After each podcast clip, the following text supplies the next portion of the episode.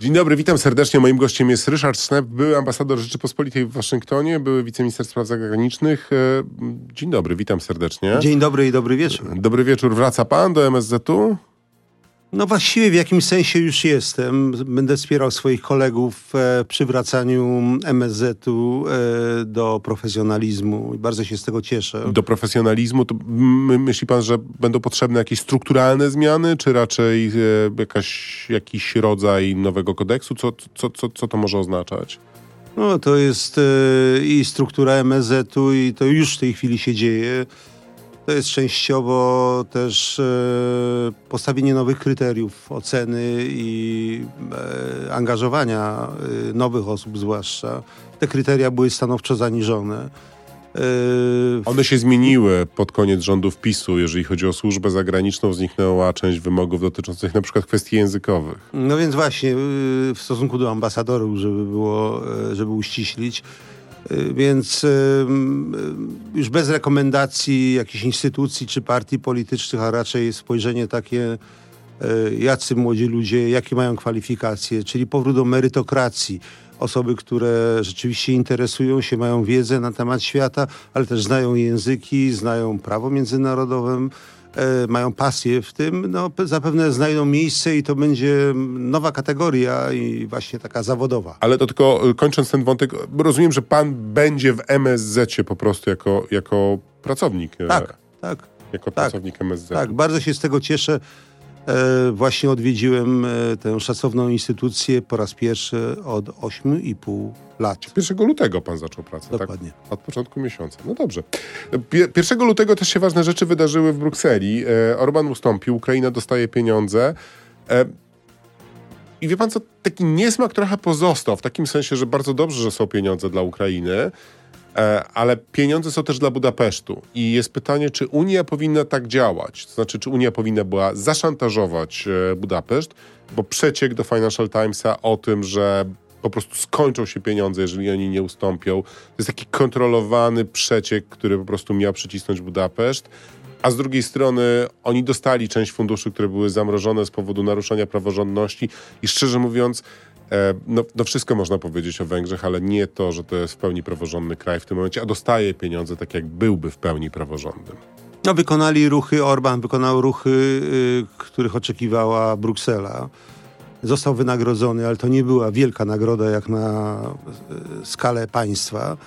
Y, I to nastąpiło już wcześniej, a mimo tego były duże obawy, czy no, Orban nie będzie wetował po prostu. No, ale czy tak e, powinna działać Unia? Na zasadzie politycznych deali i mm, dyskrecjonalnego przyznawania pieniędzy. To chyba nie było dyskrecjonalne nawet, szczerze mówiąc, y, dosyć otwarcie to nastąpiło. To jest kwestia oczywiście oceny moralnej. Y, czy w polityce stosuje się y, szantaż finansowy lub zachęty finansowe? Oczywiście tak i to jest od zarania dziejów. Natomiast czy powinniśmy być z tego powodu szczęśliwi? Nie. A więc y, i tak, i nie. Y, dzisiaj powinniśmy się cieszyć, że jest jednomyślność. Być może to nie jest bardzo trwała e, sprawa, ale w tej potrzebie, jaka jest w tej chwili, można powiedzieć, e, Ukraina potrzebowała tej kroplówki właśnie jak wody życia. E, I, i 50 miliardów euro to jest ogromna suma oczywiście nie jednorazowej wpłaty i też obwarowana różnymi kwestiami Pre, praworządności, y, działań prodemokracyjnych y, Pre, Premier Ukrainie. Tusk dzisiaj mówił o tym, że na Ukrainę mogą trafić pieniądze z odsetek od tych zamrożonych rosyjskich funduszy. E, to, to, to jest właściwy sposób działania, no bo to są oficjalnie rosyjskie pieniądze, zamrożone, ale, ale są. Znaczy to chyba jest wciąż przedmiotem debaty ponieważ narusza to jak gdyby e, zaufanie do systemu bankowego w świecie. Ale z drugiej strony, i myślę, że to jest bardzo y, poważny argument, y, Federacja Rosyjska już odpowiada za ogromne straty y, ludnościowe przede wszystkim, humanitarne, ale też gospodarcze i w związku z tym, jako kraj, który stoi pod pręgierzem nie tylko opinii publicznej, ale międzynarodowych trybunałów, Oczywiście e, jest winna Ukrainie e, ogromne e, rekompensaty z tego tytułu. Pa, pa, pa, panie ambasadorze, no jest tak, że my zaczęliśmy od Wiktora Orbana. I Viktor Orban jest ciągle partnerem politycznym człowieka, który jest chyba słusznie oskarżany o prowadzenie ludobójczej wojny. I my, my mu dajemy unijne pieniądze. No tak, ja myślę, że dobrze jest mieć Jak te można- wątpliwości moralne. Ja w gruncie rzeczy zgadzam się z nimi. Natomiast w polityce międzynarodowej liczy się pragmatyzm, y, czyli efekt. Y, Chociaż powiedzmy sobie szczerze, że nawet bez głosu Wiktora Orbana za uruchomieniem środków pomocowych dla Ukrainy, te środki byłyby przyznane. Ale chodzi o coś więcej. Y, Przecież ta sytuacja, która miała miejsce i to bardzo gładkie, można powiedzieć, rozmowy, one trwały dużo krócej. Chyba mówił o tym też premier Tusk, że, że y, wszyscy się spodziewali bardzo do rana negocjacji, bardzo trudnych, tak jak to bywało wielokrotnie E, To Orban Brukseli. się przestraszył? Y, Myślę, że jest nowa sytuacja związana z postawą e, części elit politycznych w Stanach Zjednoczonych, która bardzo mocno popycha Unię do jedności i do większej stanowczości wobec Europa Rosji. się przestraszyła samotności i boi Przestraszy. Po, chce pokazać, że jest zjednoczona. A Y, Amerykanie nie dadzą tych 60 miliardów. Do, do, do końca grudnia wszyscy wierzyli w to, że to potrwa przepychanka, ale te pieniądze będą. Należę, należę do tego grona, który wierzył, że do świąt, bo tak to wyglądało wtedy, yy, Będą pieniądze. będą te pieniądze, czyli yy, A teraz? do końca roku Jak pan najpóźniej. uważa? A teraz może być bardzo, bardzo ciężko, ponieważ y, Partia Republikańska mierzy, y, czy y, kształtuje swoją postawę w zależności od sukcesu, y, od powodzenia Donalda Trumpa. Jedność- I to on jest y, sprawcą de facto tego, że Partia Republikańska idzie pod jego dyktando, a więc zanegować wszystko, co robi Joe Biden i Partia Demokratyczna. Y, Jedność europejska, o której pan powiedział, e, w sytuacji, w której u nas nie ma jedności, prezydent zwołuje Radę Gabinetową, czy można, z pana doświadczenia, prowadzić efektywną politykę zagraniczną w sytuacji tak ostrego konfliktu pomiędzy prezydentem a rządem? No, większość, prawie wszystkie instrumenty są w ręku prezesa Rady Ministrów, czyli premiera. Yy, To, co yy, posiada prezydent w swoim yy, zakresie oddziaływania, to są ozdobniki takie de facto, bo przecież tak naprawdę No ale na powoływanie ambasadorów ma wpływ.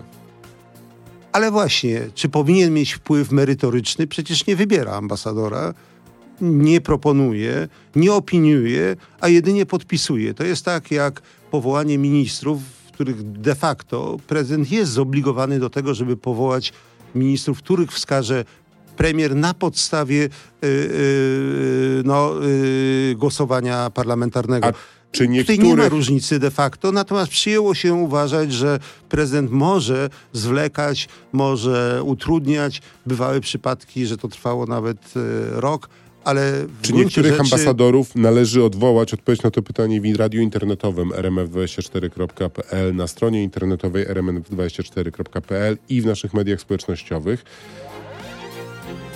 Panie ambasadorze, e, czy niektórych ambasadorów, tych e, szczególnie głośnych, należałoby odwołać?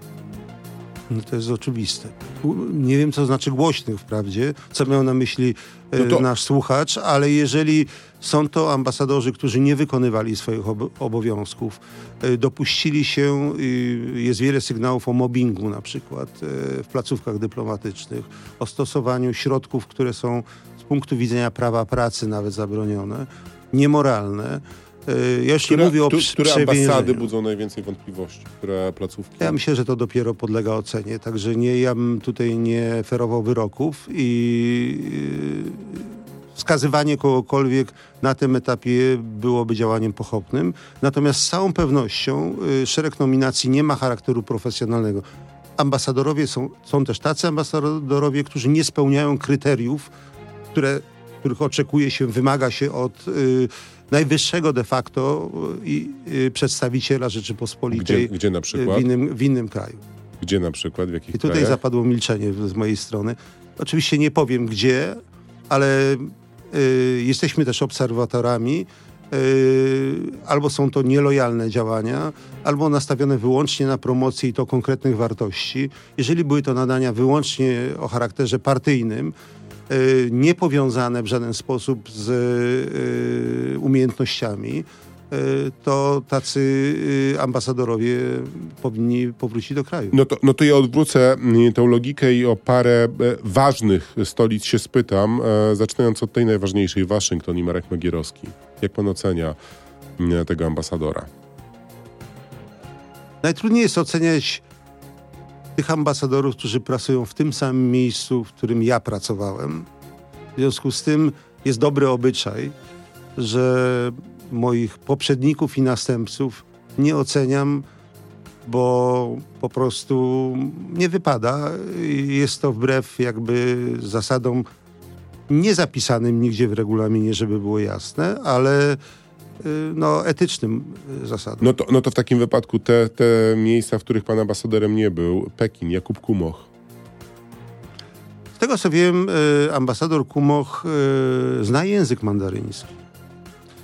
Ma przygotowanie merytoryczne, znaczy wiedzę, umiejętności. Znajomość języka mandaryńskiego jest ponadstandardowa. Natomiast pytanie jest o o to, w jaki sposób realizuje się interes Polski. I to będzie przedmiotem, ale nie jednoosobowej oceny, tylko yy, no, yy, przede wszystkim ministra spraw zagranicznych, który będzie decydował o tym, czy taka osoba powinna kontynuować, czy nie. I jeszcze, jeszcze dwie ważne stolice, yy, Kijów i Jarosław Guzy. No, yy, ja nie byłem członkiem delegacji ministra Sikorskiego w Kijowie nie rozmawialiśmy o tym, ale myślę, że pan minister ma już wyrobione zdanie e, na temat e, funkcjonowania, działań e, pana ambasadora Guzego w tym niezwykle ważnym kraju, w którym no, mamy wiele spraw do uregulowania i wiele spraw do, na przyszłość. I ostatnia bardzo ważna stolica, o którą się spytam, to jest Berlin. Do tutaj, och, dużo było historii dookoła ambasady w Berlinie. Tak się trafia, że, że pan redaktor wspomina trzech ambasadorów, którzy stosunkowo niedawno objęli swoje funkcje. Ja nie wiem, czy jest wystarczająco e, dużo materiału, umownie mówiąc, żeby dokonać rzetelnej oceny. Z całą pewnością zmiana w stosunkach z e, naszym zachodnim sąsiadem wymaga innego zupełnie kierowania placówką, reprezentowania, niż czynił to poprzednik obecnego e, ambasadora. To z całą pewnością mogę powiedzieć. My nie jesteśmy w stanie konfliktu i wojny. Mamy swoje problemy, jak każdy kraj ze swoimi sąsiadami, ale mamy przyjazne stosunki. E, Republika Federalna Niemiec to jest nasz największy partner handlowy, a do tego sojusznik w NATO i kraj kluczowy wręcz dla wspierania Ukrainy. No, no właśnie. To widać zresztą w tej chwili, bo na tej Radzie Europejskiej, o ile wiem, kanclerz Scholz był jednym z najbardziej zdeterminowanych e, w popychaniu tej, tej decyzji e, pomocy finansowej dla Ukrainy. E, wizyta ministra Sikorskiego teraz w Berlinie była w gruncie rzeczy przygotowaniem do spotkania premiera Tuska z kanclerzem Scholzem. To są absolutnie kluczowe z naszego punktu widzenia relacje i absolutnie kluczowa E, stolica, jeżeli chodzi o przyszłość e, Europy. No i trochę wracamy do tego, do tego słynnego, wypominanego wiele razy ministrowi Sikorskiemu przemówienia berlińskiego o tym, że on się bardziej od aktywnych Niemiec boi nieaktywnych Niemiec. Mm, tylko od tego czasu w samych Niemczech wiele rzeczy się zmieniło. Mm, tak, ale jedno się nie zmieniło, to znaczy Niemcy pozostają największą gospodarką w Unii Europejskiej, są jednym z kluczowych krajów to się nie zmieniło, nawet jeżeli mają, a mają y, wewnętrzne problemy i gospodarcze, i, i polityczne. Tam ta scena nie jest e, za bardzo stabilna. To jednak Niemcy będą obok Francji z całą pewnością, obok Włoch, Hiszpanii i miejmy nadzieję Polski, będą należały do tego wąskiego grona, które narzuca tempo i kierunek wskazuje yy, zmian w Unii Europejskiej, a te zmiany muszą być. Ja, ja w ciągu ostatnich paru miesięcy nabrałem nowego zwyczaju, tak, takiego związanego ze strachem, który mam. To znaczy, patrzę na każdy kolejny sondaż z Niemiec i patrzę, jak wysoko jest AfD. Jest bardzo wysoko. Je, jest czego się bać? Znaczy, ja mam y, do Y, tych, y, tych zagrożeń ze strony skrajnie prawicowych ugrupowań nie tylko w Niemczech, ale w innych krajach e, stosunek nieemocjonalny. To znaczy, ja myślę, że te ugrupowania na ogół są przeszacowane. I to wynika no, z wielu... W przypadku Holandii i e, Wildersa okazało się, że było Ale nie jest w stanie, no tak, ale nie jest w stanie y, stworzyć rządu. Póki co to się nie zdarzyło. Mamy przypadek też... Y, obawialiśmy się o sytuację we Włoszech, ale tam okazało się, że ta y, prawa strona nie jest ani tak prawa, jest proeuropejska i proukraińska. Mamy Hiszpanię, gdzie z kolei Vox poniósł porażkę, mimo że wróżono, że dosięgnie sięgnie po 15%, a zdobyli około 9%. Więc y, złamali praktycznie możliwość z partią ludową zawiązania koalicji i wygrali socjaliści, więc to, to, to oczywiście y, to są krzykliwe środowiska. To oczywiście bardziej razi w oczy, bo tak jak kolory, które są niezwykle wyraziste i, i, i, i szokujące, sprawia na nas wrażenie, ale myślę, że te wahnięcia i także przykład Polski, y, która wraca do nurtu jednak liberalnego i takiej stabilnej demokracji, pokazuje, że jest się czego bać, ale nie wolno się poddawać, załamywać rąk, bo y, scena polityczna w Europie jest bardzo płynna.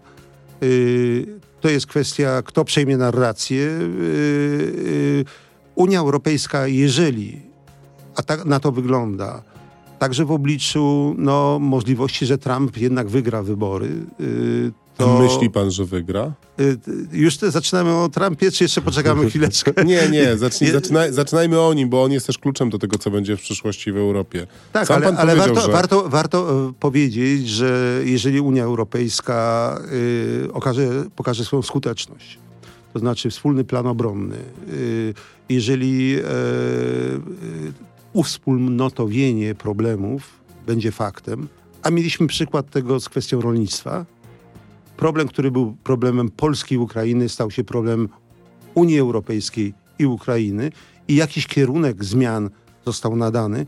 To nie jest koniec tej bajki jeszcze, tej historii, ale jest dobry początek. Chodzi o to porozumienie w sprawie pewnego ograniczenia wwozu niektórych towarów e, na teren Unii Europejskiej no, no, no, polscy, e, rumuńscy czy, czy europejscy rolnicy wcale nie są tacy zachwyceni. Janusz Wojciechowski też, komisarz rolnictwa, też nie jest zadowolony. Ale to nikt nie będzie zachwycony. To znaczy, to jest sytuacja taka, w której nie ma zadowolonych. Jeżeli jedna strona będzie bardzo zadowolona, to druga strona będzie z całą pewnością bardzo nieszczęśliwa i będzie bardzo gwałtownie protestować w różny sposób. Trzeba pamiętać o tym, że Ukraina ma jeden ogromny atut, to jest atut moralny i który jest bardzo silny w świecie dzisiaj. Natomiast oczywiście racje rolników, którzy okazało się, że nie tylko polskich, nie tylko rumuńskich, ale także francuskich, belgijskich, a słyszymy, że i włoskich, i hiszpańskich, znajdą swoje odzwierciedlenie y, w postanowieniach, przy czym to nie jest koniec Y, po pierwsze, to nie jest uzgodnienie jeszcze, to jest propozycja, a więc to pójdzie jeszcze do Parlamentu Europejskiego, do Rady Europejskiej. Z całą pewnością. Zostawmy już to, bo, bo, bo, na Trumpa nam nie starczy czasu. Dobrze. O to bardzo chciałbym się spytać. Już, już, już przechodzimy do, do, do Trumpa w takim razie. Yy, dzisiaj wygląda to tak, że Donald Trump ma spore szanse wygrania. A jak wygra, to będzie, tak jak to Welt chyba go nazwał dyktatorem, zrobi rewolucję. On się otoczył zupełnie innymi prawnikami niż w czasie pierwszej kadencji. Zapowiada wielkie zmiany w amerykańskim Departamencie Sprawiedliwości. W gruncie rzeczy zmiany o charakterze konstytucyjnym i wspomina też o tym, że, że w polityce zagranicznej nie mówi nie wyjściu z NATO. To możliwe? Znaczy, z NATO wyjść nie może. Sam to nie jest decyzja prezydenta. Musi mieć akceptację e, Kongresu amerykańskiego.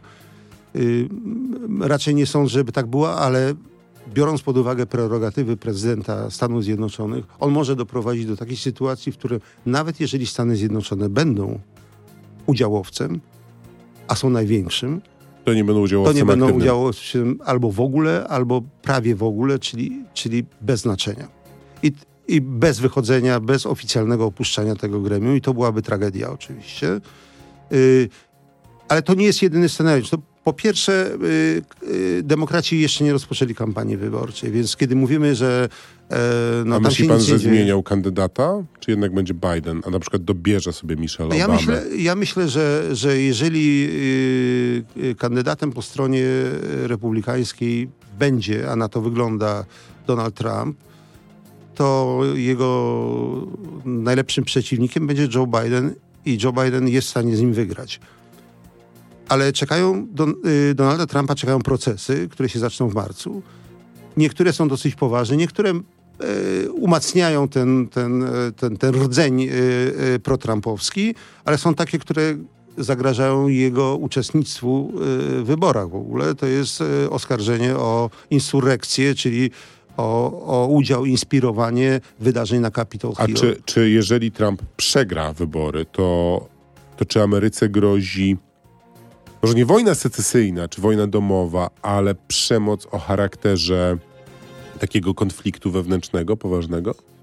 Ja sądzę, że to już się nie powtórzy. To, do, to doświadczenie Buntu. y, buntu, ataku na, na y, Capitol y, było niezwykle upokarzającym doświadczeniem dla większości Amerykanów. Znaczy, oto nagle kraj, który był wzorcem, tak się mówiło przecież, demokracja amerykańska to jakby ta najlepsza, ta, która ma głębokie korzenie, Latarnie, okazał się słaby. tak? tak. A to właśnie symbol przecież. E, mówimy o, o ataku na budynek, który jest symbolem demokracji amerykańskiej. Okazało się, że to się trzęsie, że to jest słabe, a przeciwnicy Stanów Zjednoczonych, czyli Federacja Rosyjska, ale także delegacja chińska podczas rozmów na Alasce w następnym roku po tych wydarzeniach, e, no, mówiła, że wy nie stanowicie żadnego e, wzorca. Więc to było tak upokarzające doświadczenie, że nie sądzę, aby to się powtórzyło. Pytanie jest o rzeczywiście, kto wygra. Y, Społeczeństwo pozostanie podzielone w swoich opiniach, ale takie jest i to nie tylko amerykańskie. I teraz y, jeżeli, pytanie jest takie, co będzie, jeżeli Trump z takich lub innych powodów nie będzie kandydatem republikańskim, czyli wy, wygra Nikki Haley. Jeżeli wygra Nikki Haley, e, była ambasador y, przy ONZ i, i była gubernator y, Południowej Karoliny, osoba młoda, jak na polityczkę, kobieta i różniąca się zdecydowanie z etnicznymi korzeniami na dodatek, tak, ale różniąca się w wielu poglądach, będąc konserwatystką jednocześnie. To by Wierzy pan oznaczało, w że to, że ona może dostać nominację jeszcze? yy, No przegrała dwa prawybory. No tak, y, ale po pierwsze. y, te wybory, y, y, to jest ten kokus słynny, to jest tradycja bardziej, to nie jest skazujące, to, to, nie- to jeszcze nic nie Panie mówi. ambasadorze, skończył nam się czas, ale ja, ja więc y, to już odkładamy. Musimy odciąć, tak? Musimy odciąć, ale ja, ja jedno myślę, że pytanie wtedy, zadam. jeżeli, jeżeli Nikki Haley zostałaby jakimś zbiegiem okoliczności kandydatką Partii Republikańskiej, to wówczas być może Joe Biden zrezygnowałby z kandydowania i to byłaby kobieta po stronie. Michelle. Obama? Być może to byłby hit. Nie wiem, czy kiedyś była bardzo przeciwna angażowaniu się w politykę, ale wszyscy mają swój czas. Być może pracują nad nią. Yy, myślę, że to byłaby bomba. Nie, y, to, to, to, to ostatnie, absolutnie ostatnie pytanie. Komisja śledcza rusza w e, przyszłym tygodniu w sprawie afery wizowej. Afera wizowa była i będą osoby, które były w MSZ, które powinny według pana trafić do, do więzienia? Wszystko wskazuje na to, że to jest bardzo poważna mm, afera, gdzie mm, decydowało kumoterstwo, ale także y, łapczywość czy chciwość niektórych urzędników, którzy po prostu nigdy nie powinni być I na urzędnikami pana, na pana przekonanie będą wyroki więzienia? Oczywiście zdecyduje sąd, ale Myślę, że tak może być. Te oskarżenia są bardzo poważne. Ryszard Szneff, e, były ambasador e, w Waszyngtonie i od e, dzisiaj również z powrotem w MSZ. Dziękuję bardzo. Dziękuję uprzejmie.